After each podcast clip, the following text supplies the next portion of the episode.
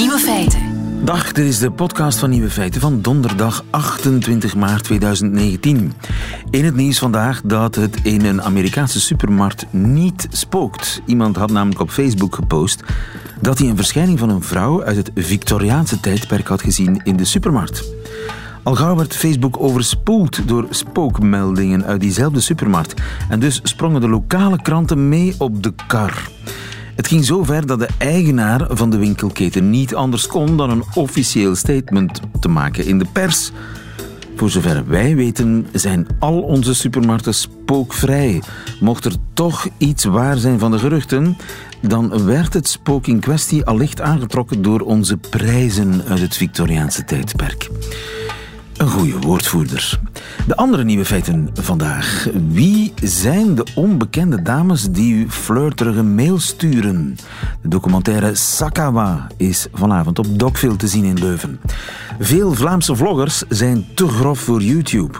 Aan de Universiteit van Antwerpen wordt gewerkt aan een nieuwe vleesvervanger op basis van bacteriën. Een spannende driehoeksverhouding tussen twee mannen en één vrouw is live te volgen met een webcam. Het gaat wel om arenden. En de nieuwe feiten van Stella Bergsma, die hoort u in haar middagjournaal. Veel plezier. Nieuwe feiten. Radio 1.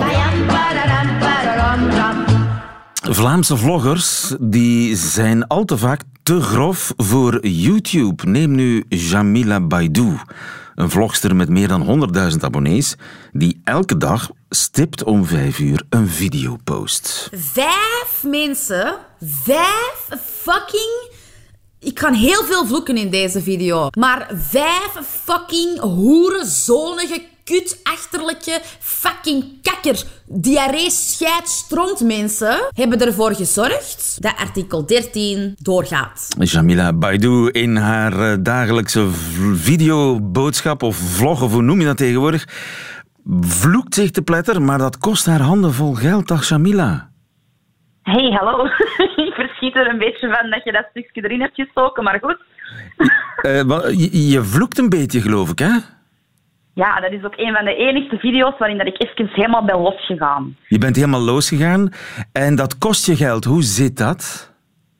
Ehm, nu, ja, deze video heb ik nog, ehm, nog geen claim op gekregen. Ehm, maar YouTube is inderdaad ehm, vrij ja, streng, wil ik niet per se zeggen. Maar ze zijn wel heel oplettend op eh, schelden in video's of ehm, bepaalde woorden in titels of uw thumbnail. Ehm, En welke woorden het- bijvoorbeeld in titels eh, struikelen ze over? Ja, ja, sowieso scheldwoorden, dus dat moeten we sowieso al niet plaatsen. Ik heb het ook al gehad dat het echt over, over ehm, even een voorbeeldje. Eigenlijk niet een erg woord, maar wel een negatief woord. Bijvoorbeeld ehm, racisme of zo, ik zeg nu maar iets. Racisme. En de- bijvoorbeeld, dat is een woord dat ze volgens mij ook filteren of zo. Ehm, maar het gebeurt dus inderdaad wel vaak dat je, ehm, als je video plaatst, dat je dan ineens een melding krijgt van deze is niet geschikt voor de meeste adverteerders. En dan moet je een handmatige beoordeling laten, laten uitvoeren. En meestal duurt dat een dag of twee voordat je eigenlijk een antwoord krijgt. En 90% van de tijd ehm, wordt dat eigenlijk ook gewoon goedgekeurd. Maar alle views die dat dan eigenlijk zijn geweest, die zijn dan eigenlijk niet betaald. Aha. Want je loopt gewoon advertenties mis als je het over racisme wil hebben. Inderdaad. En wat zijn nou zo nog moeilijke woorden? Slaan. Of zo. Of ruzie. Ruzie of, of, of ehm, ja, meer zo van die agressieve woorden en zo. Ik kan nu niet direct op iets komen, maar ehm, ja, we letten er eigenlijk allemaal wel vrij hard op dat we gewoon eigenlijk een, een bepaalde titel pakken die dat toch aanspreekt, maar niet direct uh, gewelddadig overkomt of zo. Ja, ja. Zij, eh, ik ga eens even vragen aan YouTube hoe dat zit. Dag Michiel. Goedemorgen, lieve. En goedemorgen, Samila. Eh, Goedemorgen, Michiel. Ja, Michiel zit in Londen. eh, Ze lopen daar een beetje achter. Eh, Michiel, jij bent de woordvoerder van YouTube. Ik dacht altijd, ja, hoe meer views je hebt, hoe, hoe meer abonnees je hebt, hoe interessanter je wordt voor advertenties. Maar blijkbaar zit daar ook nog een soort inhoudelijke filter tussen. Dat klopt. Het is zo dat wij zowel naar de vele kijkers, de groeiende Belgische creators zien, maar ook de adverteerders een verantwoordelijkheid hebben.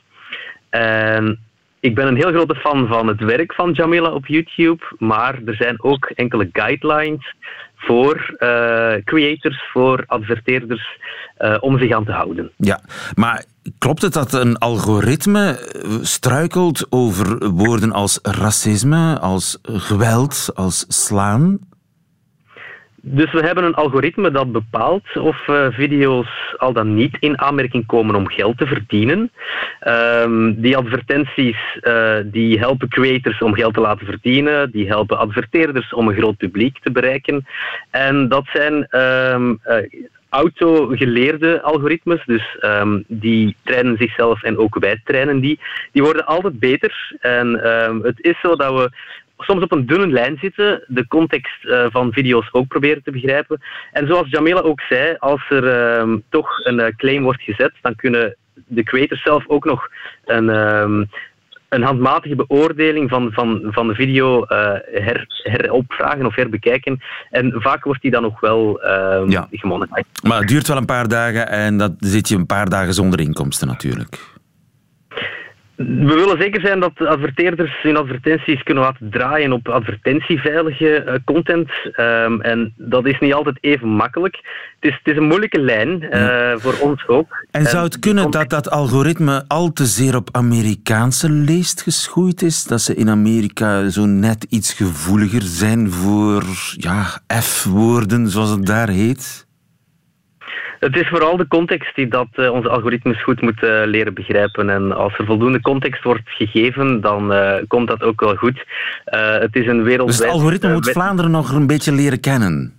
Het is een uh, zelflerend ook algoritme dat ook nog getraind wordt door uh, heel veel mensen. Dus uh, de context begrijpen van video's, van de heel veel video's die worden upgeload, is niet altijd even makkelijk. maar we doen ons best en het algoritme wordt ook elk jaar en elk moment eigenlijk beter. Maar nee, maar mijn vraag is, beslist dat algoritme op dezelfde manier over alle video's of houdt het rekening met de oorsprong van de video? Houdt het rekening met, ah, het is een Vlaamse video, dus daar doen ze iets anders? Het is een algoritme dat uh, over heel de wereld uh, Dezelfde beslissingen maakt. Ja. Als het gaat ja. over bijvoorbeeld uh, expliciete content, dan zal er ook geen advertentie kunnen getoond worden. Ja. Um, maar krijg je op die manier geen heel braaf YouTube? een YouTube waar de zon altijd schijnt, waar nooit problemen zijn? Ik denk het niet. creativiteit is nog altijd het belangrijkste wat dat het platform betreft. We zeggen niet wat dat er wel of niet gemaakt mag worden. Uh, YouTube is zeker geen Ketnet, uh, al ben ik heel blij met de sterke aanwezigheid van Ketnet op YouTube. Ze hebben ook net 100.000 uh, abonnees bereikt. maar we hebben een verantwoordelijkheid naar de adverteerders toe, maar ook naar de creators toe. daarom investeren we ook in de creators scene. Uh, ja. We hebben net die pop-up space georganiseerd. Uh, we hebben heel wat top creators uitgenodigd.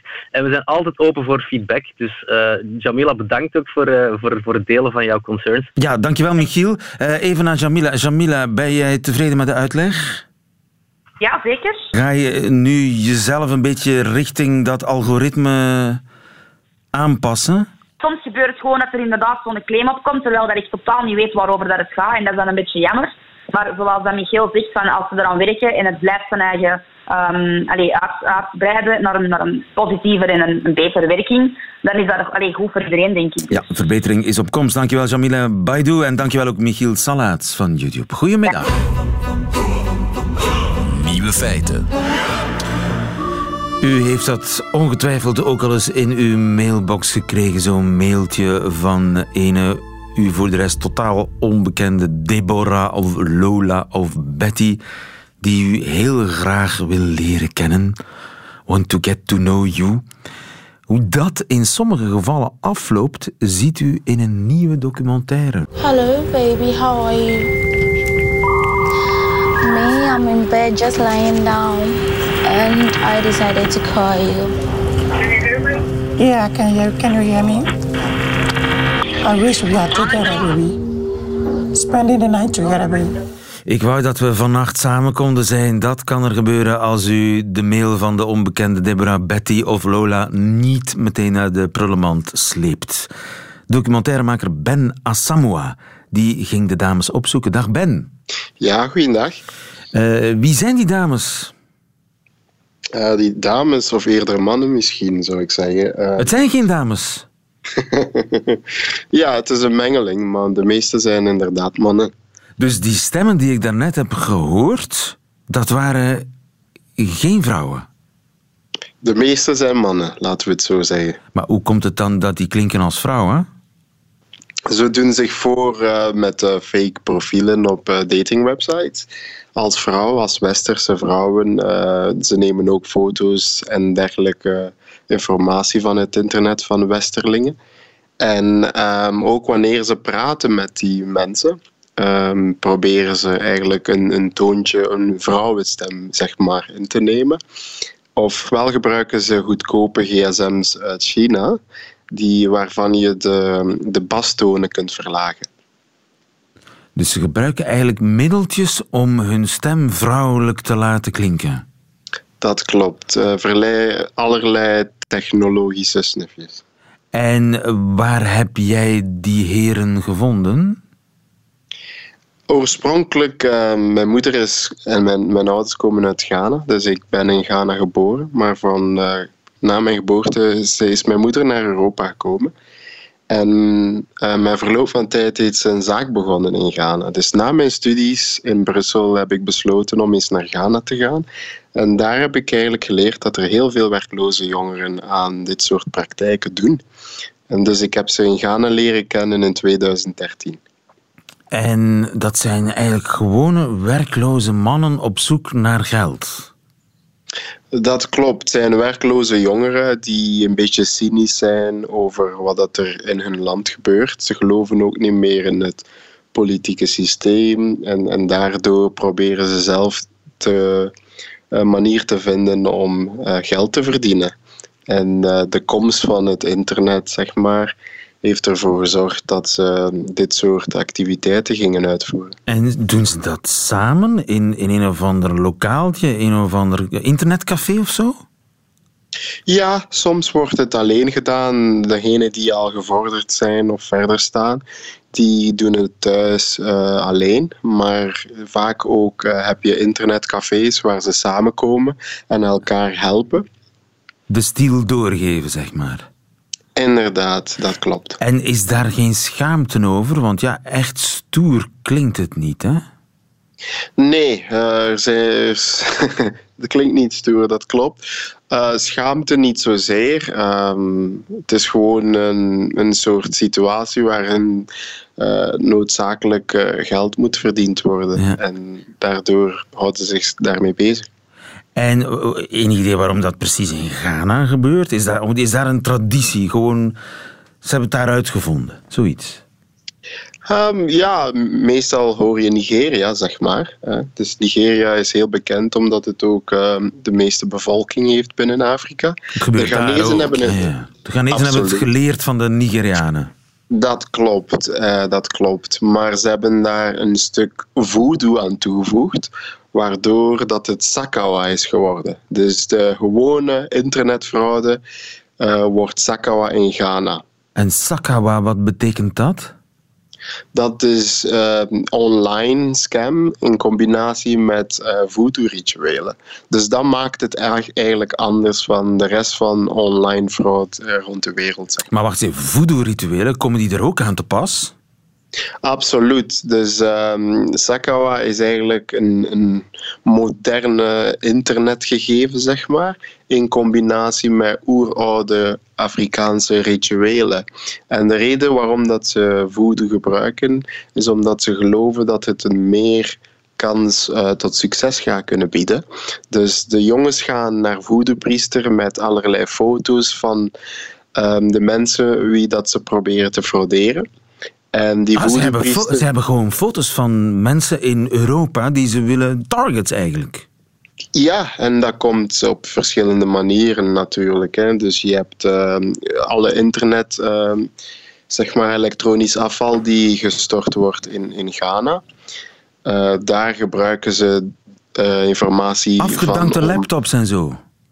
onder andere, ja, elektronisch afval. En daarin worden foto's gevonden. Foto's, allerlei eh, informatie. Persoonlijke gegevens, ja. Ja, dat klopt. En dan gaan ze naar de voodoo-priester en die zegt, die moet je nemen. Ja, de voodoo-priester ehm, die, die zegent het, zeg maar. Dus ehm, die doet er allerlei rituelen mee. eh. Maar is het niet raar dat eh, ja, die mensen daar toch intrappen? Ik bedoel, als ik een mail krijg van een Deborah die mij wil leren kennen, dan denk ik, ja, ja, dat zal wel. Weiger meer. Mm, Wie zijn, wie zijn Ja. nu de mensen die daarop ingaan? Ben je daarachter gekomen? Ja, meestal gaan het. Het zijn niet zozeer domme mensen eigenlijk. Het zijn best wel slimme mensen. Maar het gaat over een soort eenzaamheid voor heel veel mensen in de westerse wereld. Er is een grote. eh, ehm, er is ja, heel veel mensen, 45-plussers zeg maar, die getrouwd en gescheiden zijn. Die terug op zoek zijn naar liefde. Ook oorlogsveteranen uit Afghanistan of Irak die sociaal gehandicapt zijn, geen liefde meer kunnen vinden. Wat ik zo raar vind, is dat ze jou en je camera hebben toegelaten. Ja, kijk, het hangt af van welke standpunt dat je het verhaal ook wilt vertellen. Ik, ehm, ik ben naar die jongens toegegaan en in het begin waren ze heel wantrouwig natuurlijk, omdat ze dachten dat ik hun eh, activiteiten ging blootstellen, wat ik voor een stuk ook heb gedaan. Maar ik ging een, mijn intenties was om een eerlijke portret van hun te geven, een heel menselijk portret. Dus eh, het gaat mij niet zozeer eh, om de vinger te wijzen, maar om het grote probleem binnen ehm, de samenleving en de wereld een beetje aan te tonen, dat alles een beetje interconnected is. Vanavond te zien op Docville in Leuven, jouw documentaire Sakawa. Dankjewel, Ben. Graag gedaan. Goedemiddag. Goedemiddag.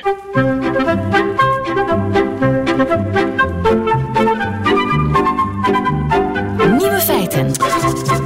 Wat zullen we eens eten vanmiddag? Bacteriën misschien. Zo zal het ooit gaan, want Janne Spanhogen, bio-ingenieur aan de Universiteit van Antwerpen, die werkt aan een bacterieburger. Dag Janne.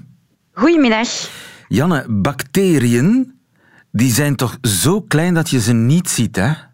Exact, ja. Die zijn enorm klein, dus die ga je niet zo gemakkelijk op je bord zien liggen als je er maar eentje gaat eten. Ja, hoeveel moet ik er dan eten? Ha, dagelijks eigenlijk eten we nu al wel wat bacteriën. Sowieso zit er in ons voedsel al wel wat bacteriën hier en daar. Ehm, maar voor voldoende eiwit op een dag eh, binnen te krijgen, gaan we daar toch wel enkele grammen van moeten eten. Grammen. Maar en hoeveel bacteriën zitten er in één gram? Oh, dat ik niet direct... Oh, dat gaat over miljoenen tot miljarden. Ja, want voor alle duidelijkheid, inderdaad, bacteriën zitten nu wel al dan niet gewenst in of op ons eten. Jij werkt aan iets ja, wat de bacteriën zelf eetbaar en voedzaam maakt, hè? Ja, exact. Wij gaan echt kijken naar het eiwit dat eigenlijk in onze bacteriën zit. En om dat eiwit eigenlijk zo te consumeren in plaats van ons dagdagelijks vlees bijvoorbeeld. Want er zit op dit moment al eiwit in bacteriën. Er zit ehm, eiwit in bacteriën, er zit ook eiwit in de mens bijvoorbeeld. Eiwitten zitten in elk eh, levend organisme. Ja, maar dat eiwit is op dit moment niet eetbaar of niet voedzaam. Je moet er iets mee doen. Nee, het is perfect ehm, consumeerbaar zoals dat het nu is. Ehm, er zijn gewoon nog niet heel veel producten op de markt die dat het eh, microbieel eiwit als eiwit gaan gebruiken. We hebben bijvoorbeeld al wel we hebben al microalgen in de bioshops, zoals spirulina bijvoorbeeld, dat nu eerder als ehm, superfoods, zo'n beetje de hipstertrends worden bekeken. Maar wij gaan echt kijken om een product op de markt te gaan brengen dat echt puur voor het eiwit zelf wordt geconsumeerd. En waar ben je dan precies mee bezig? Dus wij werken met eh, purperbacteriën. En het voordeel van die purperbacteriën is dat je die op heel veel verschillende manieren kan, kan groeien. Het is een soort Zwitsers zakmes, het kan alles. Ehm, en wij gaan kijken of dat we met verschillende manieren van groei, of dat we ook verschillende kwaliteiten van eiwit kunnen ver- verkrijgen, bijvoorbeeld. Dus eh, moet ik me dat voorstellen dat jij een soort eh, bacterieveredeling aan het doen bent? Ja, zoals dat we dagdagelijks nu ook onze voeding een, een betere kwaliteit gaan proberen geven, gaan wij dat ook met onze bacteriën proberen om een zo goed mogelijke verteerbaarheid te maken, om, om zoveel mogelijk eiwit in die bacteriën te verkrijgen enzovoort. En dan zou eh, die eiwitrijke bacterie Zou dan een alternatief kunnen zijn voor andere bronnen van eiwitten, zijn de ja, vlees, soja? Ja, exact, exact. En dat kan ook veel duurzamer op die manier dan dat we nu eigenlijk onze, ons eiwit verkrijgen via vlees bijvoorbeeld. En want in de sportzaken kun je nu van die eiwitpoeders kopen. Dat zijn een soort ja, uh, proteïnepoeders, zo heet dat toch? Ja. Ja, uh, dat, ja. dat gooi je in melk of in, in water om, om een soort voedzaam papje te krijgen. Ja. Jij werkt eigenlijk aan een alternatief. Ja, dat is eigenlijk zoals je het zou kunnen zien. Eigenlijk zijn wij bezig aan de nieuwste eiwitshake van de toekomst. En zal dat dan ook een soort poedertje zijn? Ja, wij verkrijgen nu ons, in ons labo, gaan wij nu altijd naar een gedroogde vorm. Um, natuurlijk in de toekomst, wie weet, vinden we nog andere manieren om ons, om ons bacteriën, misschien kunnen we er een soort melk van maken, dat kan allemaal. Maar op dit moment gaan we altijd naar een poeder die dat we dan kunnen verwerken in bijvoorbeeld zo'n eiwitshake. Op de kinderuniversiteit twee weken geleden hebben we bijvoorbeeld ook microalgenpoeders verwerkt in cake bijvoorbeeld of in drankjes. En zoiets als een bacterieburger, zal dat er ooit komen? Een vleesvervanger ja. die alleen uit bacteriën bestaat? Dat denk ik zeker wel, maar daar moeten we natuurlijk uh, op dit moment... Ik ben gewoon natuurlijk in het labo een beetje aan het knutselen met die bacteriën. Maar we hebben natuurlijk ook nood aan uh, chef-koks om echt met onze producten aan de gang te gaan en om uh, creatieve manieren te vinden om dat in onze voeding te verwerken. Ja, misschien moet je maar eens een oproep doen aan chef-koks. Uh, ja, zeker. Iedereen die geïnteresseerd is om creatiever mee te werken, mag ons zeker contacteren. En wie weet staat het binnenkort op het menu in de Jane of een of ander sterrenrestaurant. Bak ja. Bacterieburger Janne Spannogen, dankjewel. Goedemiddag. Dankjewel.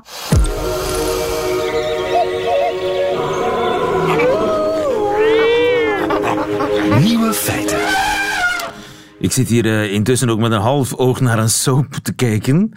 Uh, een van de betere soaps van tegenwoordig. Over een ménage à trois, inderdaad. Allemaal echt en uh, live en niks verzonnen. Het echte leven, live gestreamd. Het leven zoals het is met z'n drieën in één nest. En dat laatste, dat mag u letterlijk nemen. Want het gaat om zeearenden. Koen Leijzen, goedemiddag.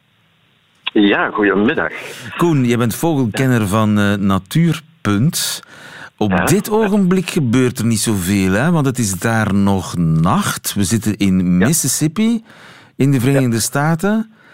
Uh, maar het gaat dus om een trio arenden dat in ja, een natuurreservaat in uh, Mississippi woont. En een trio, dat, dat is ingewikkeld. Hoe zit dat gezin in elkaar? Ja, het is een, een ingewikkelde driehoeksverhouding. Uh, het gaat hier om twee mannetjes en één vrouwtje die samen een nest delen. Uh, dat is uh, hoogst uitzonderlijk. Dit is echt straffe kost. Ja, en één ja, mammy en twee pappies. Zijn er ook ja. kinderen? En dat gaat goed. Ja, ja die, brengen, die brengen geregeld jongen groot elk jaar en zo. Het is, het is ingewikkeld, want het is begonnen in 2013. Zijn er twee mannetjes aan dat nest aangekomen. Die hebben onder elkaar wat zitten bakkeleien. Maar op de duur hebben die dan de strijdbijl begraven, blijkbaar.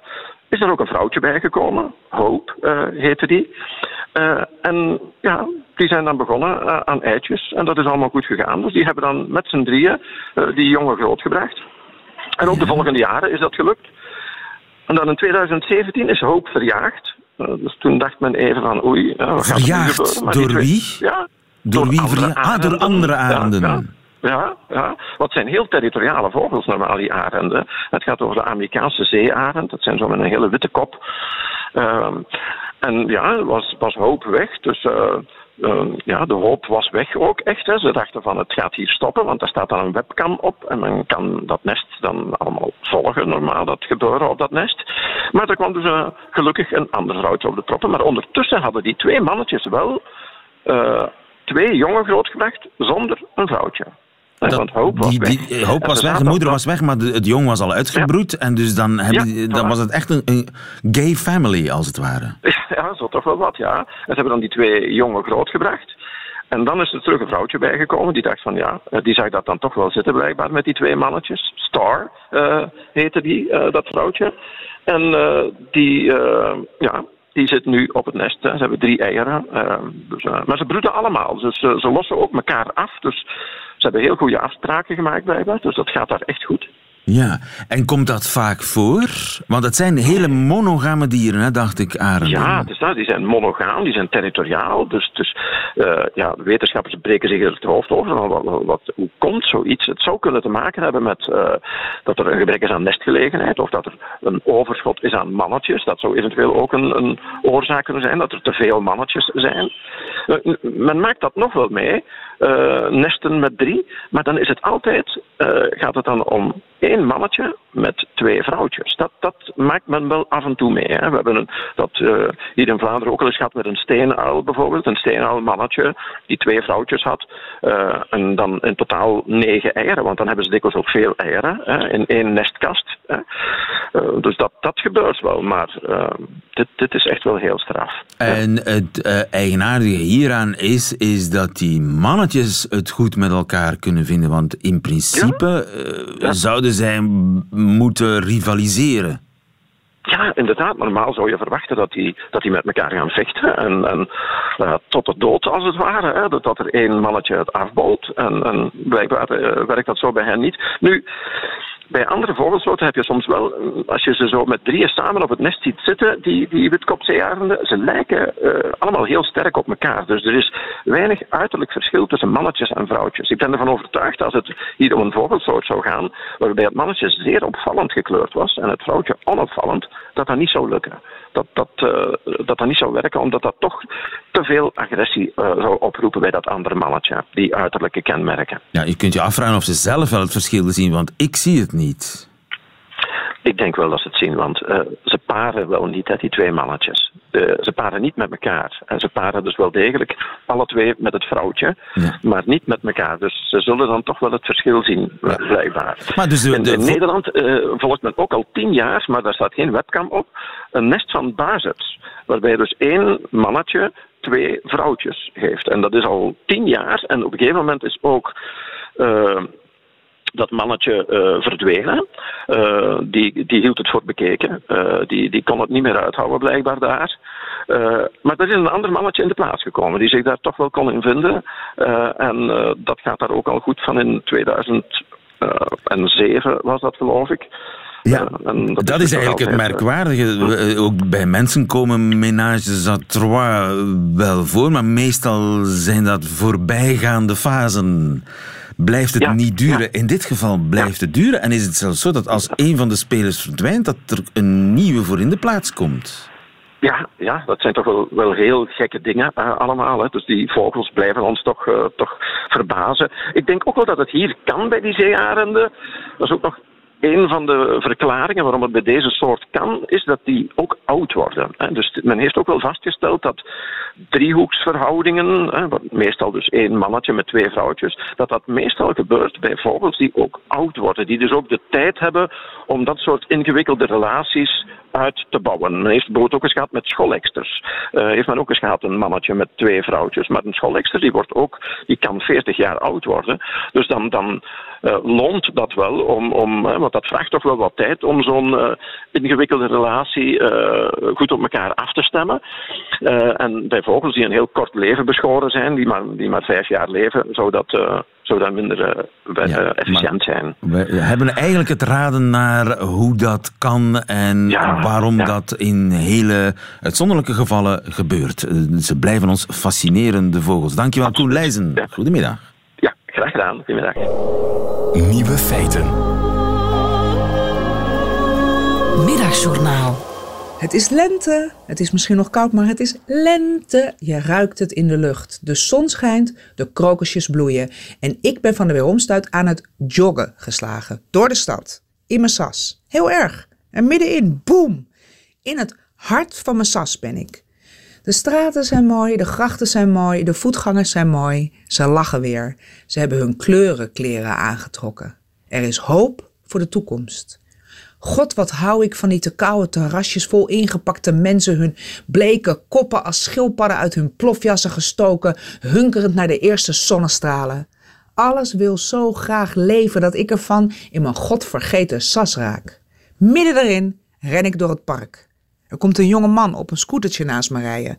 Mevrouw, mevrouw, roept hij. Moet u een lift? Nou, zeg ik, nee, ik eh, ben zeg maar aan het bewegen voor de sport. Oh, antwoordt hij, ik dacht misschien heeft u haast of zo. Hij kijkt er uitdagend bij. Mag ik anders uh, uw nummer, probeert hij nu. Ik stop met rennen en neem hem in me op. Hij is niet onknap en zeker 100 jaar jonger. Jongen, ik ben gevleid, maar ik heb een man, zeg ik. Oh, dat is jammer, zegt de jongen. Nou, uh, dacht dan maar. Hij geeft gas of, of wat je doet op een brommer en rijdt weg. Een stukje verderop draait hij zich nog eens om, om te knipogen. Ik zwaai dan maar naar hem. Hij is tenslotte ook in zijn sas, denk ik in mijn sas. Opeens hoor ik vogels. Overal vogels. Zeisjes, zeggen wij in Amsterdam. En als het zwemt, omdat het een eend is of zo, dan is het een drijfzeisje. Daar moet ik hardop om lachen. Ik ben zo verliefd op woorden. Als ik met taal kon trouwen, deed ik het. Als taal mij mijn nummer zou vragen, gaf ik het meteen.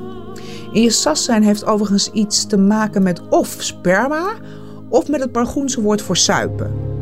Dus ik ben of een beetje zaadvragend hier of dronken. Dan komt er een hele grote man met een heel klein hondje voorbij. Waarom weet ik niet, maar het ontroert me. Wat schattig, zeg ik. Ja, hè, antwoordt de man in zijn sas. Maar hoe vind je mijn hondje? Dronken zijn we. Dronken van lente.